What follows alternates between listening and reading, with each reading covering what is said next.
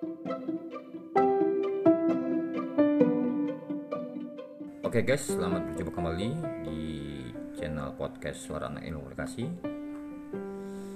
Pada hari ini saya akan coba bercerita tentang perjuangan hidup mahasiswa kelas karyawan dalam kuliah online.